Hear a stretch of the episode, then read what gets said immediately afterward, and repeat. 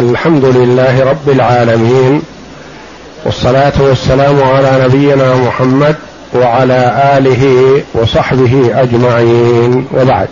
بسم الله. بسم الله الرحمن الرحيم. الحمد لله رب العالمين والصلاة والسلام على أشرف الأنبياء والمرسلين نبينا محمد وعلى آله وصحبه أجمعين. قال المؤلف رحمه الله تعالى البعوث, البعوث والسرايا بعد الرجوع من غزوة الفتح. قول المؤلف رحمه الله تعالى البعوث والسرايا بعد الرجوع من غزوة الفتح. وذلك أن النبي صلى الله عليه وسلم خرج من المدينة في رمضان لفتح مكة. ففتح الله جل وعلا له مكة ودخلها ظافرا منصورا مؤيدا من الله جل وعلا. وأذعنت له قريش التي آذته أشد الأذى. ومن عليهم صلى الله عليه وسلم وقد فتح الله جل وعلا له مكة في اليوم السابع عشر من شهر رمضان من السنة الثامنة من الهجرة. بعدما هاجر صلى الله عليه وسلم إلى المدينة ما جاء إلى مكة وما استطاع أن يأتيهم معتمرا ولا حاجا. إلا في السنة السادسة ورد وصد عليه الصلاة والسلام عن البيت ولم يدخل مكة. بعد ست سنوات من هجرته جاء ومنع بالحديبية صلوات الله وسلامه عليه. وصبر ورجع إلى المدينة بعدما أبرم الصلح مع كفار قريش. ثم عاد صلى الله عليه وسلم في السنة السابعة معتمرا ولم يقم صلى الله عليه وسلم بمكة إلا ثلاثة أيام. ونادته قريش بطلب الوفاء بالعهد الذي بينها وبينه بأن يخرج. فاستأذنهم في أن يتزوج ويضع حفلة الزواج ووليمة الزواج فيطعمون معه يمهلونه فأبوا. وخرج صلى الله عليه وسلم وفاء بالعهد الذي بينه وبين كفار قريش. السنة السابعة. وهيأ الله جل وعلا أسباب الفتح في السنة الثامنة من الهجرة. السنة السابعة السادسة صد. والسنة السابعة اعتمر ثلاثة أيام. والسنة الثامنة فتح الله جل وعلا له مكة. وذلك أن كفار قريش نقضوا العهد. الذي بينهم وبين النبي صلى الله عليه وسلم. فأعان أناس من كفار قريش أعانوا بني بكر على خزاعة. ولو أن الحرب بين بني بكر وخزاعة لا إشكال فيها. العرب تتحارب فيما بينها ليل نهار.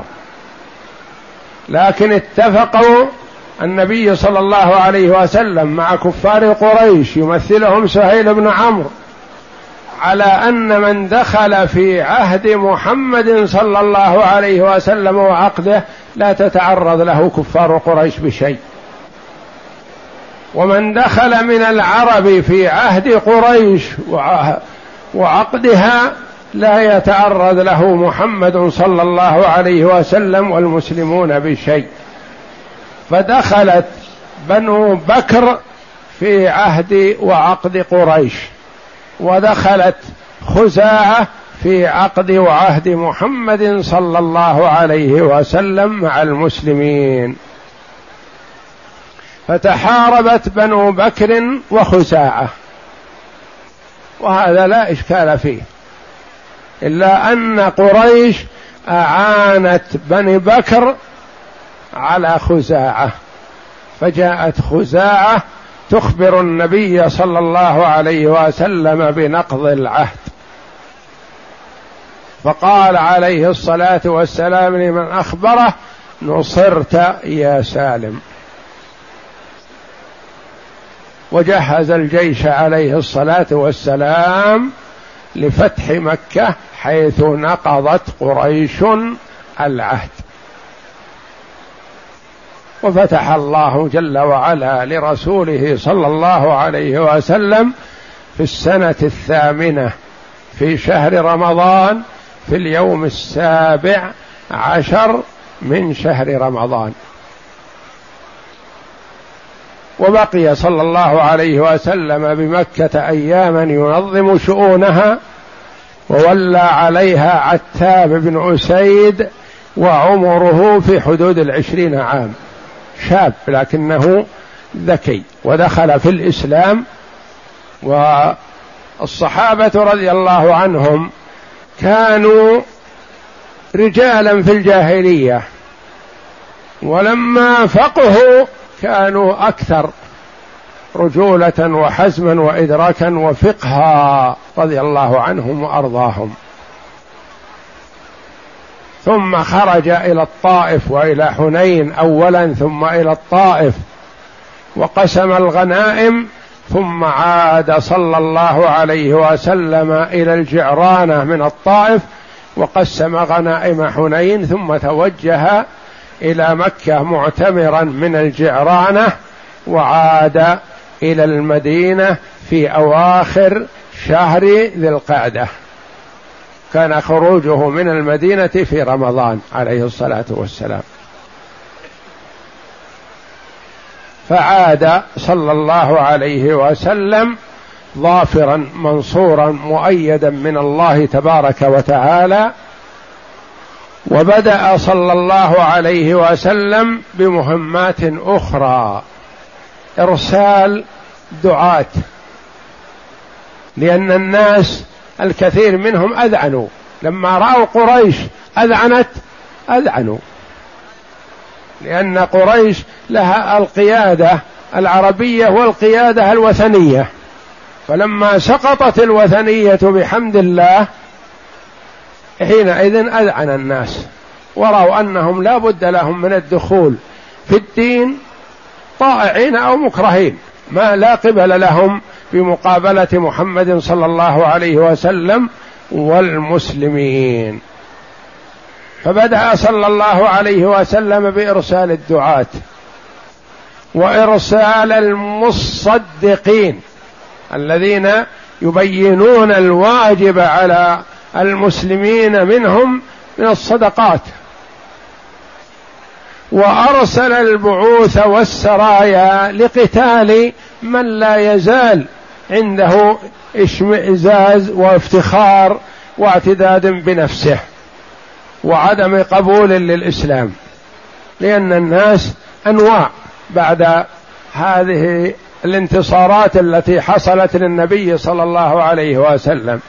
منهم من يتحمس ويقول أنا أقف في وجه محمد. نحن لا نذعن له وإن أذعنت قريش فهؤلاء يحتاجون إلى قمع. آخرون أذعنوا ودخلوا في دين الله يريدون من يفقههم في الدين. أرسل صلى الله عليه وسلم. آخرون أصحاب أموال وزكوات ما يعرفون الواجب عليهم. يأتوا به إلى النبي صلى الله عليه وسلم. وليشرع صلى الله عليه وسلم للأئمة من بعده بأن يرسلوا السعاة الذين يأخذون الصدقات من الناس لأن من الناس من يكون عنده شيء من البخل. إن أتاه أحد دفع وإن لم يأتيه أحد سكت. ف اعانهم صلى الله عليه وسلم على أنفسهم وأرسل أناس لبيان الصدقات الواجبة عليهم لأن جل تجارة العرب في ذلك الوقت في بهيمة الأنعام. وأكثرها في الإبل هي التجارة العظمى والكبيرة. ثم الغنم. والبقر قلة في, في السائمة. وإنما الكثرة في الإبل ثم تليها وهي رأس المال الإبل المعتبر وهي المال العظيم ولهذا مثل به النبي صلى الله عليه وسلم في قوله لعلي بن أبي طالب رضي الله عنه والله لأن يهدي الله بك رجلا واحدا خير لك من حمر النعم من الإبل العظيمة الكثيرة لأنها هي جل التجارة في ذلك الوقت. ما في عقارات ما في سيارات ما في كذا ما في كذا لها قيمة وإنما أكثرها في الإبل.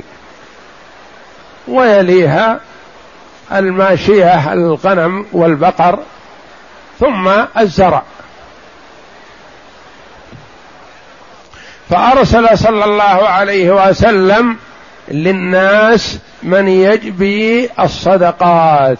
يأخذها من أهلها ويصرفها في وجوهها عليه الصلاة والسلام وكان يرسل السعاة حتى لا يبخل ويتكاسل من لم يتمكن الإيمان من قلبه.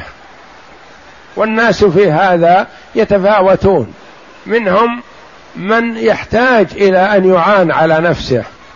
ومنهم من يبادر بكرائم ماله يدفعها للمصدقين. ومنهم من يسوق الصدقات ويتقبل ويقابل السعاة قبل أن يصلوا إليه. شكرا لله على نعمه. فأرسل صلى الله عليه وسلم في هذه الفترة قادة وسرايا وبعوث متنوعة.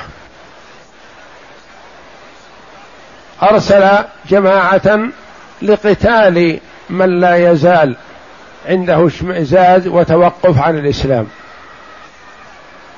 وأرسل صلى الله عليه وسلم دعاة لمن يحتاج إلى دعوة وإلا مذعن بس يحتاج إلى تعليم وتوجيه.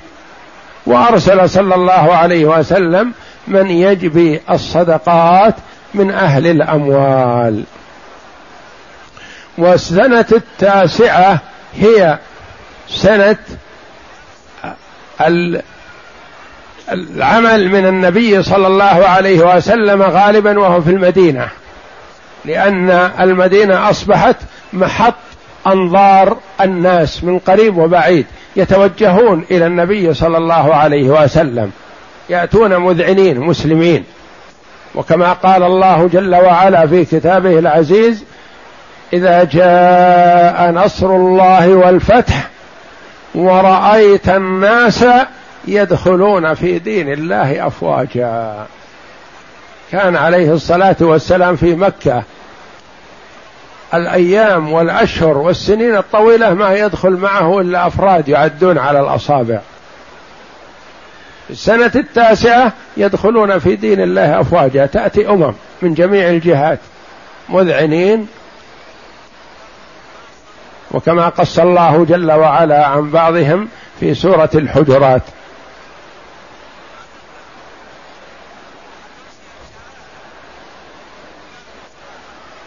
فما خرج صلى الله عليه وسلم في السنة التاسعة لأنه هيأ نفسه لاستقبال الوفود.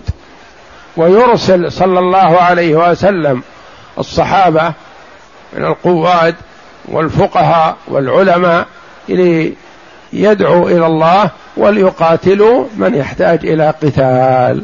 فهذه السنة سنة التاسعة والسنة العاشرة سنة الوفود.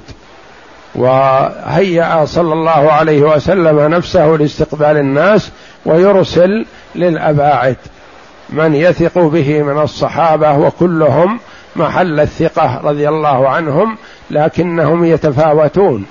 منهم من هو متمكن في العلم وهذا يرسل للدعوة.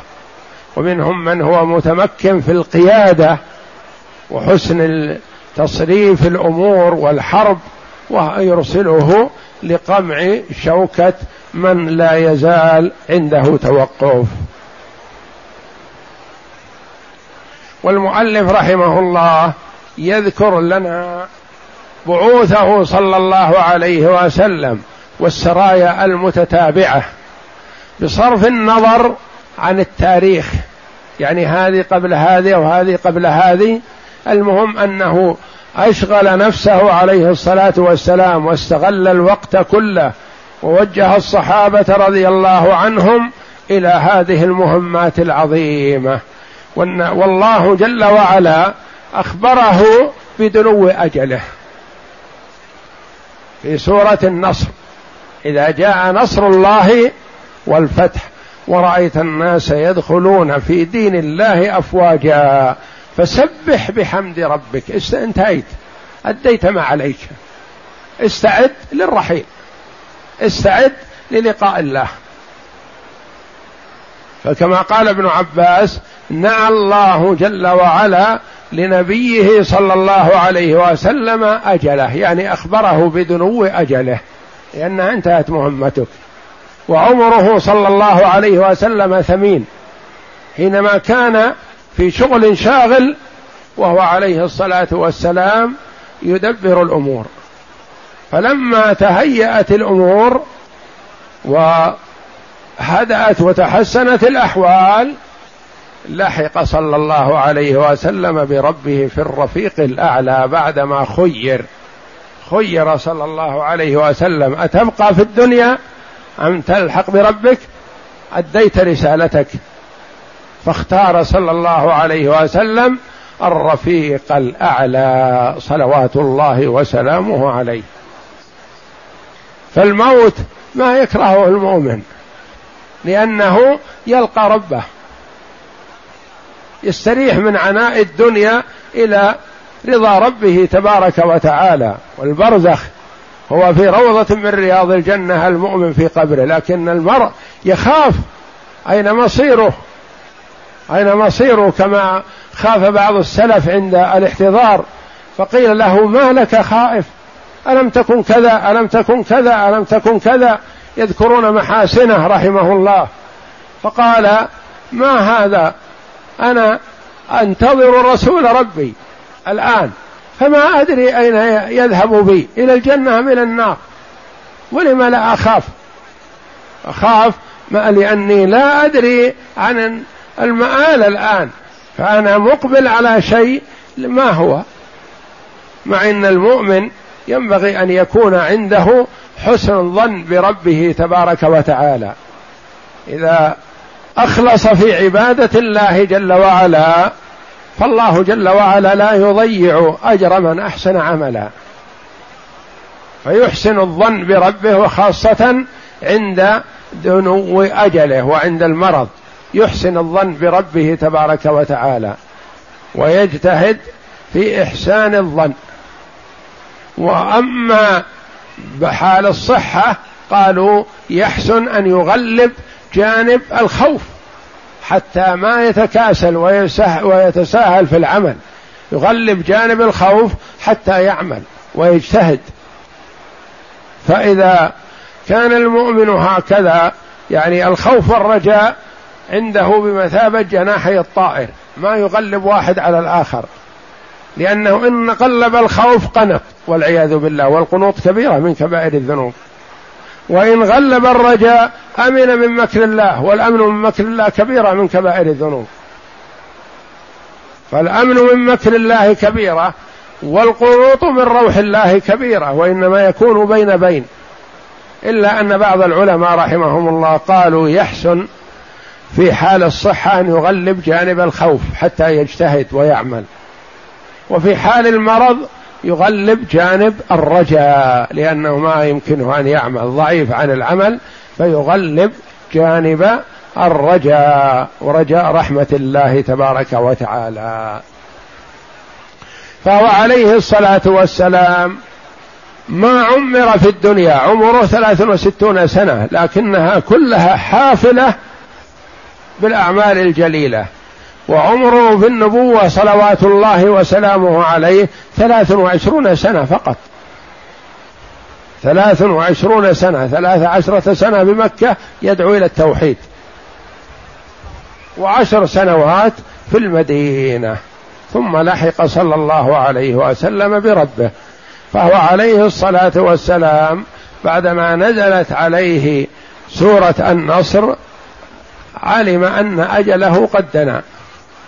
وحينما دارسه جبريل في رمضان القرآن الكريم مرتين شعر بدنو أجله أكثر وأخبر فاطمة رضي الله عنها حتى يعزيها في نفسه ويقول اصبري. يقول إن جبريل يدارسني القرآن في كل سنة مرة في شهر رمضان. وأراه ودارسني هذه السنة مرتين. وما أراه إلا عند دنو أجلي. فاصبري واحتسبي. فبكت رضي الله عنها.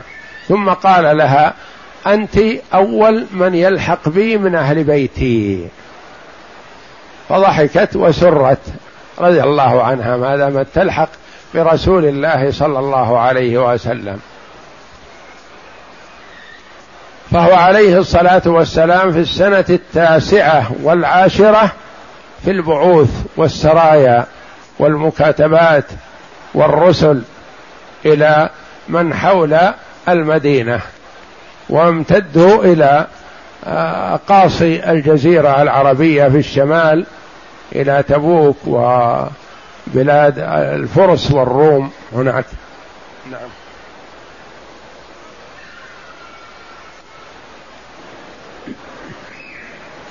البعوث والسرايا بعد الرجوع من غزوة الفتح.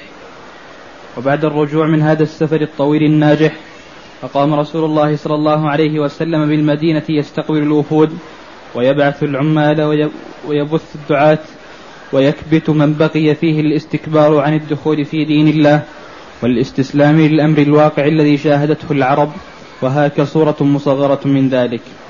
المصدقون.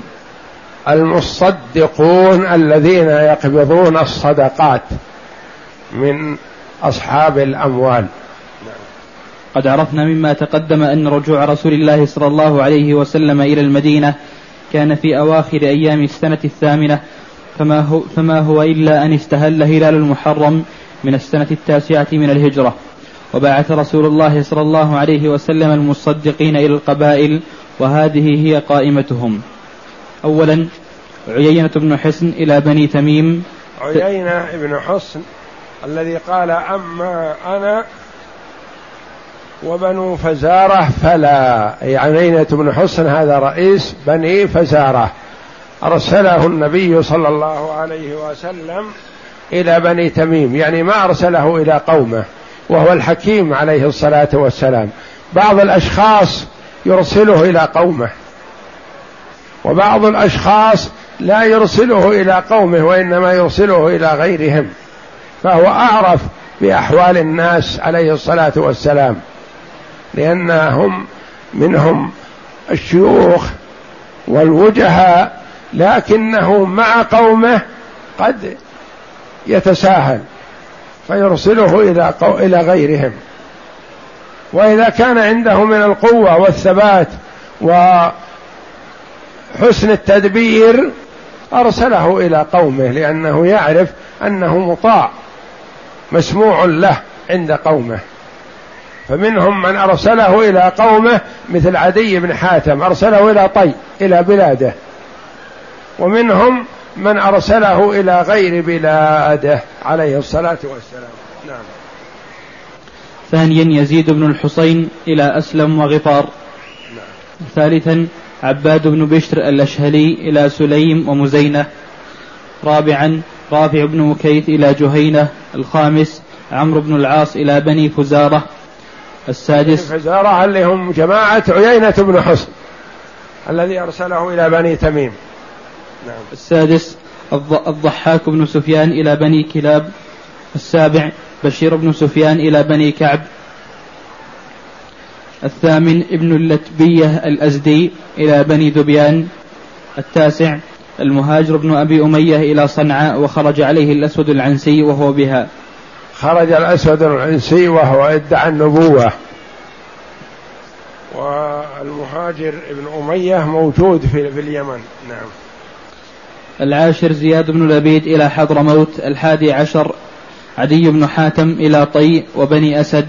أرسله إلى جماعته عدي بن حاتم الطائي لأنه كان من رجالات العرب المعدودين وهو ابن حاتم الطائي المشهور بالكرم الذي يضرب به المثل يقول أكرم من حاتم. وهو الذي جاء بتحريض من أخته المأسورة. أخته أسرت وجيء بها إلى النبي صلى الله عليه وسلم بالمدينة كما ستأتينا قصتها قريبا. فمن عليها النبي صلى الله عليه وسلم بدون مقابل وأعطاها ما يحملها إلى أهلها لأنها من علية القوم وممن يستحق المن. فهو عليه الصلاة والسلام ينزل الناس منازلهم عليه الصلاة والسلام. مثلها ومثل ثمامة بن عثال وغيرهم من المأسورين من عليهم بدون مقابل. ولو طلب الأموال أعطي من المال الشيء الكثير لأن لها من يدفع لها. ومثل ثمامة بن عثال يقول إن تريد المال فاطلب ما شئت. فهو عليه الصلاة والسلام يقال له هذا إن تريد المال فاطلب ما شئت ولا يطلب شيء. يمن ويعطي زيادة. كما ستأتينا قصة هذه المرأة فكانت سببا في إسلام أخيها رضي الله عنه عدي بن حاتم. وكان له مواقف مشرفة بعد إسلامه. وسر النبي صلى الله عليه وسلم لما أعلن إسلامه بين يديه صلى الله عليه وسلم لأنه جاء مستخفي بدون أمان وهو كان معروف بكفره وفراره فر من بلاده لما وصلتها جيوش المسلمين فر إلى الشام. فلحقت به أخته وأنبته ولامته وقالت ائته راغبا أو راهبا راجيا أو خائفا مالك إلا هو. فجاء رضي الله عنه وأسلم وحسن إسلامه وأرسله النبي صلى الله عليه وسلم إلى قومه لأنه رجل من رجالات العرب المعدودين. ويعرف أن قومه يطيعونه ويحترمونه. الثاني عشر مالك بن نويرة إلى بني حنظلة. الثالث عشر الزبرقان بن بدر إلى بني سعد إلى قسم منهم. الرابع عشر قيس بن عاصم إلى بني سعد إلى قسم آخر منهم. الخامس عشر العلاء بن الحضرمي إلى البحرين السادس عشر علي بن مراد بالبحرين جهة الأحساء وهجر. السادس عشر علي بن أبي طالب إلى نجران لجمع الصدقة والجزية كليهما. يجمع الصدقات من المسلمين والجزية من النصارى لأن فيه نصارى في نجران وفيه يهود لكن النصارى أكثر. فيجمع منهم يأخذ منهم الجزية. والمسلمون يدفعون له الصدقات. وليس هؤلاء العمال كلهم بعثوا في المحرم من السنة التاسعة من الهجرة. يعني هذه البعوث لكنها ما ورد وعلم باليقين تحديد الوقت الذي بعث صلى الله عليه وسلم هذا من هذا. إنما هذه البعوث كلها بعد بعد في السنة التاسعة من أولها. لكن ما رتب في رواية السيرة النبوية تحديد الوقت الذي بعث فيه هذا من بعث هذا. وليس هؤلاء. وليس هؤلاء العمال كلهم بعثوا في المحرم من السنة التاسعة من الهجرة بل تأخر بعث عدة عدة منهم إلى اعتناق الإسلام من تلك القبائل التي بعثوا إليها. يعني نعم. هؤلاء ما بعثوا وإنما جاءت الوفود أول منهم. واعتنقوا الإسلام ثم أرسل النبي صلى الله عليه وسلم هؤلاء. هذه كلها في مصدقين الذي يأخذون الصدقات. والسرايا التي للقتال وتأديب من لا يزال عنده آه، نفور آه، ستأتي بعد هذا. وإن كانت في البعث قبل هؤلاء. إنه بعث من يقمع المعتدي ثم بعث بعده من يأخذ الصدقات ممن أسلم منهم أو الجزية ممن لم يسلم وإنما بقي على يهوديته أو نصرانيته. وليس هؤلاء. وليس هؤلاء العمال كلهم بعثوا في المحرم. سنة التاسعة من الهجرة بل تأخر بعث عدة منهم إلى اعتناق الإسلام من تلك القبائل التي بعثوا إليها. نعم كانت بداية بعث العمال بهذا الاهتمام البالغ في المحرم من السنة التاسعة وهذا يدل على مدى نجاح الدعوة الإسلامية بعد هدنة, بعد هدنة الحديبية. وأما بعد فتح مكة يعني بعد هدنة الحديبية ثلاث سنوات حصل فيها خير عظيم. هدنة الحديبية في السنة التاسعة في السنة السادسة. وعمرة القضاء في السنة السابعة. وفتح مكة في السنة الثامنة. والبعوث والمصدقون كلهم في السنة التاسعة. يعني خلال هذه الثلاث السنوات دخل الناس في الدين. وأما بعد فتح أفواجا. ثانيا السرايا. نعم. وكما بعث المصدقون إلى القبائل مست الحاجة إلى بعث عدد من السرايا مع سيادة الأمن على عامة مناطق الجزيرة وهاك لوحة تلك السرايا. يعني السرية غير البعث غير المصدق. المصدق قد يذهب واحد. ليجمع الصدقات ويأتي بها.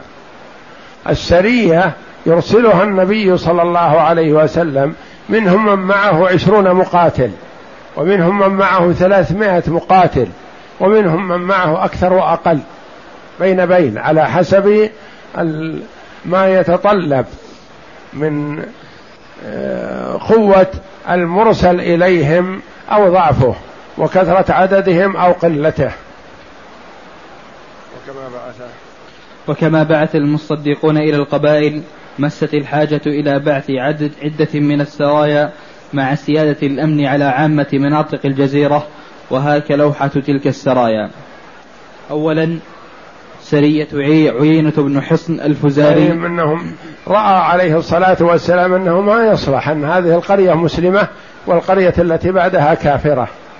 أنه لازم يوجهون إلى الدخول في الإسلام رغبة أو رهبة. لأنهم إذا تركوا ربما استمروا على جاهليتهم. فأراد صلى الله عليه وسلم أن ينظف الجزيرة من الشرك وأن يوجه الناس للدخول في الدين الإسلامي الصحيح. أولا سرية عيينة بن حصن الفزاري في المحرم من السنة التاسعة إلى بني تميم في خمسين فارسا لم يكن فيهم مهاجري ولا أنصاري وسببها أن بني تميم كانوا قد أغار كما تقدم أنه بعثه مصدق وبعثه لقمع من لا يزال غير قابل سرية عيينة ابن حصن وفي القائمة الأولى عيينة بن حصن إلى بني تميم. في خمسين نعم في خمسين فارسا لم يكن فيهم مهاجري ولا أنصاري. يعني من, من غير المهاجرين والأنصار. نعم. وسببها أن بني تميم كانوا قد أغروا القبائل أغروا. أغروا القبائل ومنعوهم عن أداء الجزية. يعني حرضوا على منع الجزية ومنع الصدقة. وقالوا لا تدفعوا ونحن ندافع معكم. وكذا كان عندهم مناعة. فأرسل إليهم النبي صلى الله عليه وسلم عيينة ابن حصن الفزاري لقمعهم. نعم. وخرج عوينة بن حصن يسير الليل ويكمل النهار حتى هجم عليهم في الصحراء فولى يعني ما كان يمشي ظاهرا حتى لا يتكالب عليه الأعداء. كان في النهار يكمن. يلزم المكان وفي الليل يسيرون يدلجون في الليل. نعم. وخرج عوينة بن حصن يسير, يسير الليل ويكمن النهار حتى هجم عليهم في الصحراء فولى القوم مدبرين. وأخذ منهم أحد عشر رجلا وإحدى وعشرين امرأة وثلاثين صبيا وساقهم إلى المدينة فأنزلوا في دار رملة بنت الحارث. وقدم فيهم عشرة من رؤسائهم فجاءوا إلى باب النبي صلى الله عليه وسلم فنادوا يا محمد اخرج إلينا. فخرج فتعلقوا به وجعلوا يكلمونه فوقف معهم التي ذكر الله جل وعلا في سورة الحجرات إن الذين ينادونك من وراء الحجرات أكثرهم لا يعقلون ولو أنهم صبروا حتى تخرج إليهم إلى آخر الآيات فهم عندهم جفا وجهل أول ما جاءوا. جاءوا وطرقوا على النبي صلى الله عليه وسلم بالقائلة الباب وقالوا اخرج إلينا يا محمد نفاخرك. اخرج إلينا نفاخرك. واللي يغلب منا في المفاخرة يكون له الحق. يعني ما جاءوا مسلمين مذعنين وإنما جاءوا للمفاخرة ولأجل أن يأخذوا يطلبوا من النبي صلى الله عليه وسلم أسراهم الذين أسروا الرجال والنساء والأطفال. كما قال أحزروا أحد عشر رجل وإحدى وعشرين امرأة وثلاثين صبيا من بني تميم ساقوهم إلى المدينة فجاء أهلوهم في طلبهم وبدأوا بالمفاخرة. نعم. وقدم فيهم. وقدم فيهم عشرة من رؤسائهم فجاءوا إلى باب النبي صلى الله عليه وسلم فنادوا يا محمد اخرج إلينا فخرج فتعلقوا به. ومما قالوا إن مدحنا زين وإن ذمنا شين. قال ذاك الله جل وعلا والذي إذا مدح فمدحه زين وحسن وإذا ذم فالويل لمن ذمه الله جل وعلا. ما هم أنتم يا بني تميم. فخرج فتعلقوا به وجعلوا يكلمونه فوقف معهم ثم مضى حتى صلى الظهر ثم جلس في صحن المسجد فأظهروا رغبتهم في المفاخرة والمباهاة وقدموا خطيبهم. يعني يذكرون مفاخرهم ومدائحهم ويقوم شاعرهم ويقوم خطيبهم. يذكر ما عندهم من المفاخر العربية. نعم. وقدموا خطيبهم عطارد بن حاجب فتكلم فأمر رسول الله صلى الله عليه وسلم ثابت بن قيس بن شماس خطيب الإسلام الأنصاري رضي الله عنه من الأنصار أن يجيبه. فأجابهم ثم قدموا شاعرهم الزبرقان بن بدر فأنشد مفاخرا فأجابه شاعر الإسلام حسان بن ثابت على البديهة. مباشرة ذكر هو مفاخر بني تميم هذا الزبرقان ثم قام حسان رضي الله عنه وذكر أن الفخر كله في الإسلام وفي متابعة محمد صلى الله عليه وسلم ويسمى حسان رضي الله عنه شاعر الإسلام. فيحب لمنا لمنافحته عن النبي صلى الله عليه وسلم ووقوفه في وجوه الكفار. وكان عليه الصلاة والسلام يدعو له فاستأذن النبي صلى الله عليه وسلم في هجاء قريش. قال كيف تهجوهم وأنا منهم؟ يعني إذا سببتهم عاد السب الي قال لا يا رسول الله أسلك منهم كما تسل الشعرة من العجين رضي الله عنه. يعني ما يلحقك ذم أنت أذم الكفار منهم. وأما أنت وخيار الصحابة رضي الله عنهم والصحابة من منهم ما ينالهم ذم. أسلك منهم كما تسل الشعرة من العجين. انظر هذا التشبيه. الشعرة إذا صارت بالعجين وسلها المرء ما علق بها شيء. نعم. ولما فرغ الخطيبان والشاعران قال الأقرع بن حابس خطيبه أخطو من خطيبنا وشاعره أشعر من شاعرنا. عندهم شيء من الإنصاف والإدراك والتمييز. ميزوا حسن الكلام يعرفونهم عرب وقالوا خطيبه أحسن من خطيبنا وشاعره أحسن من شاعرنا أذعنوا. نعم. وأصواتهم أعلى من أصواتنا وأقوالهم أعلى من أقوالنا ثم أسلموا فأجازهم رسول الله صلى الله عليه وسلم فأحسن جوائزهم ورد عليهم نساءهم وأبناءهم. عليه الصلاة والسلام. لما أسلموا هذا الذي يريده منهم عليه الصلاة والسلام. أجازهم يعني أعطاهم الجوائز أعطاهم الأموال ما أخذ منهم شيء. ورد عليهم رجالهم ونساءهم وأطفالهم الذين أسرهم المسلمون.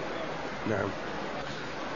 ثانيا سرية قطبة بن سرية قطبة بن عامر إلى حي من الختعم بناحية تبالة في القرب من تربة.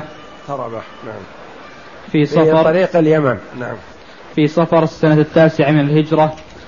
خرج قطبة في عشرين رجلا على عشرة أبعرة يتعقبونها فشن الغارة فاقتتلوا قتالا شديدا حتى كثر الجرحى في الفريقين جميعا. عشرين رجل معهم عشرة أبعرة بعشرة بعارين يعتقبون يعني يمشي واحد واحد يركب. هم من ينزل الراكب ويمشي ويركب الماشي يتعاقبونها رضي الله عنهم. فاقتتلوا قتالا شديدا حتى كثر الجرحى في الفريقين جميعا وقتل قطبة مع من قتل وساق آه، القائد قائد السرية رضي الله عنه. نعم. وساق المسلمون النعم والنساء والشاء إلى المدينة. ساقوا الغنائم معهم إلى النبي صلى الله عليه وسلم في المدينة. النعم الإبل. والنساء والشياه الغنم. ثالثا سرية الضحاك بن سفيان الكلابي إلى بني كلاب في ربيع الأول سنة التاسع من الهجرة. بعث هذه السرية إلى بني كلاب لدعوتهم إلى الإسلام فأبوا المبعوث منهم. المبعوث الضحاك بن سفيان الكلابي لأنه رأى أنه صلى الله عليه وسلم مقبول عند قومه. نعم. بعث هذه السرية إلى بني كلاب لدعوتهم إلى الإسلام فأبوا وقاتلوا فهزمهم المسلمون وقتلوا منهم رجلا. رابعا سرية علقمة ابن مجزر المدلجي. مجزز المدلجي. هؤلاء الذين يعرفون الأثر. مشهورين. بني مدلج مشهورين في معرفة الأثر والشبه. سرية علقمة بن مجزز المدلجي إلى سواحل جدة في شهر ربيع الآخر سنة التاسعة من الهجرة في ثلاثمائة. بعثهم إلى رجال من الحبشة كانوا قد الفريق الأول السرية الأولى عشرين رجل وهذه السرية ثلاثمائة. لكل جهة يرسل ما يناسبها صلى الله عليه وسلم لأن هذه السرية ستتوجه إلى البحر. وعلم صلى الله عليه وسلم أن فيه أناس من البحر جاءوا من جهة الحبشة يريدون الإغارة على المدينة وعلى ديار الإسلام. فوجه صلى الله عليه وسلم من يصدهم ويمنعهم عن ذلك. بعثهم إلى رجال من الحبشة كانوا قد اجتمعوا بالغرب بالقرب من سواحل جدة للقيام بأعمال القلصنة ضد أهل مكة فخاض علقمة البحر حتى انتهى إلى الجزيرة إلى الجزيرة فلما سمعوا بمسير المسلمين إليهم هربوا. خامسا سرية علي بن أبي طالب إلى صنم لطي يقال له القلس ليهدم قبل إسلام عدي بن حاتم أرسل النبي صلى الله عليه وسلم علي لا مصدق وإنما مجاهد مقاتل. لأن طي ما دخلت في الإسلام. فأرسل علي رضي الله عنه إلى طي جهة حائل. نعم. بعثه رسول الله صلى الله عليه وسلم في خمسين ومائة على مائة بعير وخمسين فرسا ومعهم راية سوداء ولواء أبيض فشنوا الغارة على محلة حاتم مع الفجر فهدموه وملأوا أيديهم من السبي والنعم والشاء. وفي السبي أخت عدي بن حاتم وهرب عدي. يعني غنموا غنائم كثيرة وأخافوهم وظهر منهم الإذعان لأنهم غنموا وأسروا منهم رجال ونساء وأطفال وقدموا بهم إلى المدينة. وقسم علي رضي الله عنه أكثر ما معه من الغنائم بين الغانمين إلا عائلة علي عدي عائلة حاتم الطائي. قال هؤلاء نوصلهم إلى النبي صلى الله عليه وسلم لأنهم ينزلون القوم منازلهم هؤلاء أمراء ووجهاء. فقالوا نبقيهم يرى فيهم رسول الله صلى الله عليه وسلم رأيا. وفيهم وفي السبي. وفي السبي أخت عدي بن حاتم وهرب عدي إلى الشام وجد عدي لما سمع بخيل النبي صلى الله عليه وسلم وعرف أنه مغلوب هرب إلى الشام. ترك حائل بلاده بلاد أبيه وأهله وهرب إلى الشام. وأسرت أخته وذهب بها إلى المدينة. ولقي المسلمون في خزانة القلس ثلاثة أسياف وثلاثة أدرع وفي الطريق قسموا الغنائم وعزلوا عزلوا للصفا الصفي. لرسول الله صلى الله عليه وسلم ولم يقسموا آل حاتم. ولما جاءوا إلى المدينة استعطفت أخت حاتم أخت عدي بن حاتم رسول الله صلى الله عليه وسلم قائلة يا رسول الله. من هو؟ هو علي رضي الله عنه. ومع هذا يلقنها ماذا تقول للنبي صلى الله عليه وسلم رجاء أن يمن عليها. فهو يلقنها يقول قولي لمحمد صلى الله عليه وسلم كذا. يلقنها الكلام المناسب لعل النبي صلى الله عليه وسلم يمن عليها. ولما جاءوا ولما جاءوا إلى المدينة استعطفت أخت عدي بن حاتم رسول الله صلى الله عليه وسلم قائلة يا رسول الله غاب الوافد وانقطع الوالد وأنا عجوز كبيرة ما بي من خدمة فمن علي من الله عليك. قال من وافد؟ كلامها كلام جيد وحسن. قالت يا رسول الله غاب الوافد. الوافد هرب. اللي يفدها ويفديها ويدفع عنها فدية هرب إلى إلى الشام غاب. وانقطع الوالد الوالد مات. ما لي أحد. وأنا عجوز كبيرة. ما بي من خدمة. يعني إذا صرت رقيقة عند بيت من بيوت المسلمين يستخدمونني. وأنا امرأة كبيرة وذات وجاهة وقيمة. ما تعودت الخدمة وتعودت أنها مخدومة. فلفت كلامها هذا وحسنه. نظر النبي صلى الله عليه وسلم انتبه لها خصيصا. نعم. فمن؟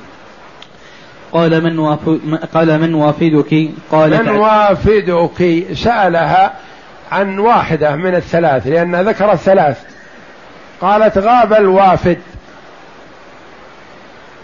وانقطع الوالد انقطع راح. وأنا عجوز كبيرة ما بي من خدمة. يراها عليه الصلاة والسلام أنها عجوز. لكن يحتاج إلى سؤال عن الفقرة الأولى فقط. قال من وافدك؟ من هو؟ قالت عدي بن حاتم. ذكرت قائد وعظيم من عظماء العرب. قال الذي فر عن الله ورسوله. ما كان ينبغي له لأنه عاقل ويدرك والإسلام خير. وما ينبغي له أن يهرب. نعم. قالت عدي بن حاتم قال الذي فر من الله ورسوله ثم مضى فلما كان مضى ما أعطاها المن على طول صلى الله عليه وسلم حتى ينظر ويفكر في الأمر وحتى تشفق هي. ما تظن أنها من عليها لمكانتها وجاهتها فقط أو أنه خاف لما ذكرت له عدي بن حاتم أنه يأتي بالخيل ليستخلصها؟ لا. صبر عليه الصلاة والسلام.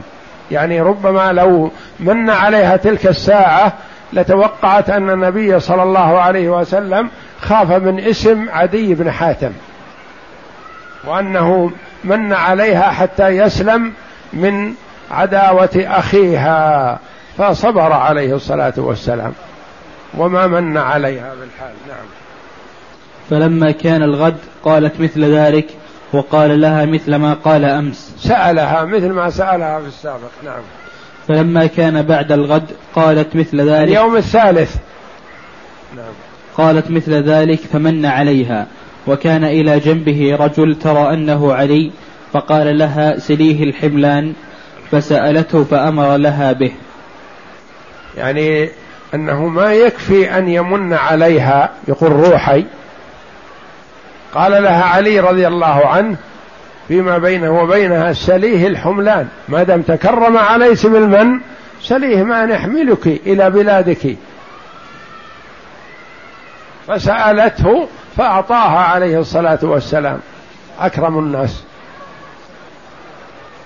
ورجعت أخت عدي بن حاتم إلى أخيها عدي بالشام فلما ما راحت إلى بلادها طي وإنما ذهبت تستدرك أخاها. ذهبت تلومه وتوبخه. تقول فعلت فعلة ما تليق بك. ائت محمد راغبا أو راهب. هذا الرجل فعل شيئا لم يفعله أبوك. أبوك المشهور عند الناس بالكرم هذا أكرم منه. هذا الرجل. فما ينبغي لك أن تهرب منه. فلما لقيته قالت عن رسول الله صلى الله عليه وسلم لقد فعل فعلة ما كان أبوك يفعلها ائته راضي. يعني هو أكرم من أبوك وأبوك أكرم العرب. أبوك يعتبر من أكرم العرب لكن هذا أكرم من أبيك. ائته راغبا أو راهبا فجاءه عدي بغير أمان ولا كتاب. يعني رأت أنه يتحتم على عدي أن يذهب إلى النبي صلى الله عليه وسلم. راغب في الإسلام أو خايف له ما له نجاة ولا سلامة إلا بإتيان النبي صلى الله عليه وسلم. فجاءه. فجاءه عدي بغير أمان ولا كتاب فأتى به إلى داره فلما جلس بين يديه حمد الله وأثنى عليه ثم قال ما يفرك؟ أيفرك أن تقول لا إله إلا الله؟ فهل تعلم من إله سوى الله؟ قال لا. ثم تكلم ساعة ثم قال إنما تفر أن يقال الله أكبر فهل تعلم شيئا أكبر من الله؟ لأنه نصراني متنصر يعرف يعرف الله ويعرف أنه هو المستحق للعبادة وحده لا شريك له.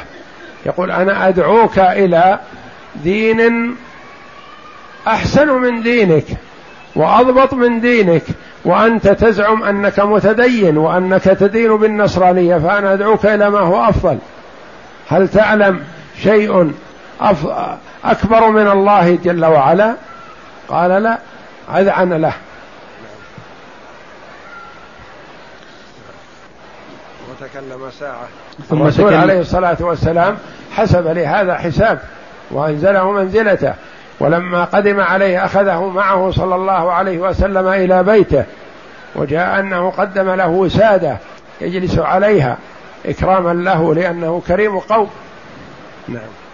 ثم تكلم ساعة ثم قال إنما تفر أن يقال الله أكبر فهل تعلم شيئا أكبر من الله؟ قال لا. قال فإن اليهود مغضوب عليهم وإن النصارى ضالون. قال بين له صلى الله عليه وسلم الديانتين الموجودتين عند الناس يهودية ونصرانية قال اليهود مغضوب عليهم غضب الله عليهم والنصارى ضالون يعني في ضلال وجهل. قال فإني حنيف مسلم. فانبسط وجهه فرحا وأمر به فنزل عند رجل من الأنصار. هذه الكلمة عليه الصلاة والسلام يعني ما تمسك بنصرانيته قال أنا حنيفا مسلما أنا معك. أنا مؤمن بما تدعو إليه. وأمر به فنزل عند رجل من الأنصار وجعل يأتي النبي صلى الله عليه وسلم طرفي النهار. يعني ما تركه يضيع هكذا بل سلمه بيد أنصاري رضي الله عنهم. يتولاه ويضيفه ويحضره إلى النبي صلى الله عليه وسلم. يحضر مجلس النبي صلى الله عليه وسلم ليستفيد. لأنه استفاد رضي الله عنه من أول جلسة مع النبي صلى الله عليه وسلم وكان عنده بصيرة.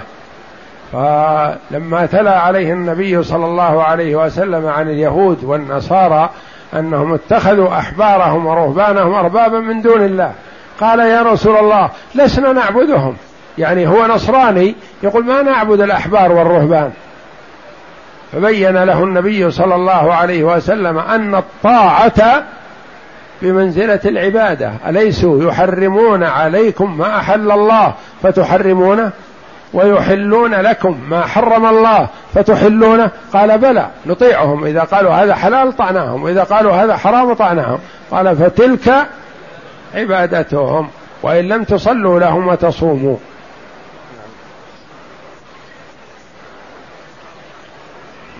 وفي رواية عند ابن إسحاق عن علي أن النبي صلى الله عليه وسلم لما أجلسه بين يديه في داره قال له إيه يا عدي بن حاتم ألم تكن ركوسيا؟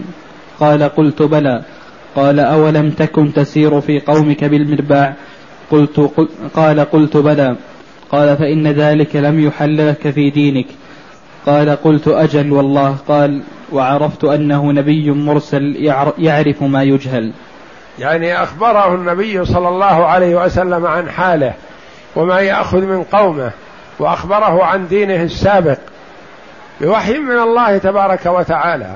يقول فعرفت أنه نبي لأنه قال لي قول ما يعلمه أحد من أهل جزيرة العرب ممن حوله وأخبره عن أفعاله التي ما يعلم عنها أحد. فعرفت أنه نبي. وفي رواية لأحمد النبي صلى الله عليه وسلم قال يا عدي أسلم تسلم فقلت إني من أهل دين قال أنا أعلم بدينك منك أهل دين يعني أنا على نصرانية والنصرانية دين في ذلك الوقت. قال عليه الصلاة والسلام أنا أعلم بدينك منك. يعني أنت على النصرانية لكن أنا أعلم بالنصرانية منك التي هي دينك. فقلت أنت أعلم بديني مني؟ قال نعم. ألست من الركوسية؟ وأنت تأكل مرباع قومك؟ فقلت بلى. قال فإن هذا لا يحل لك في دينك. قال فلم يعد. أن قالها فتوا فتواضعت لها. وروى البخاري عن عدي قال بينما بين أنا عند النبي صلى الله عليه وسلم إذ أتاه رجل فشكى إليه الفاقة ثم أتاه آخر فشكى إليه قطع السبيل فقال يا عدي هل رأيت الحيرة فإن طالت بك حياة فلترين في العراق. فلترين الظعينة ترتحل من الحيرة. ظعينة المرأة. قال فإن طالت بك حياة فلترين الظعينة ترتحل من الحيرة حتى تطوف بالكعبة. لا تخاف أحدا إلا الله. هذه بشارة بانتشار الإسلام. نعم ولئن طالت بك حياة لتفتحن, كنو لتفتحن كنوز كسرى ولئن طالت بك. كسرى أعظم دولة في, في الدنيا في ذلك الوقت قال تنفق في سبيل الله. يخبر الرسول عليه الصلاة والسلام عدي أن هذه الكنوز ستنفق في سبيل الله.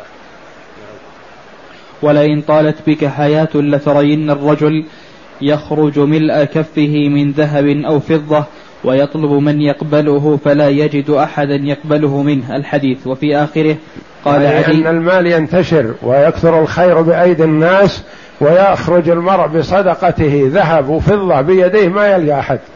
إذا أعطاها هذا قال لا أنا في غنى. يعطيها الآخر يقول أنا في غنى. يعطيها الثالث يقول أنا في غنى. وهكذا. هذه بشارة من النبي صلى الله عليه وسلم. نعم. قال عدي فرأيت الضغينة, الضغينة ترتحل من الحيرة حتى تطوف بالكعبة لا تخاف أحدا إلا الله. يقول رأيت ما أخبر به النبي صلى الله عليه وسلم بعيني.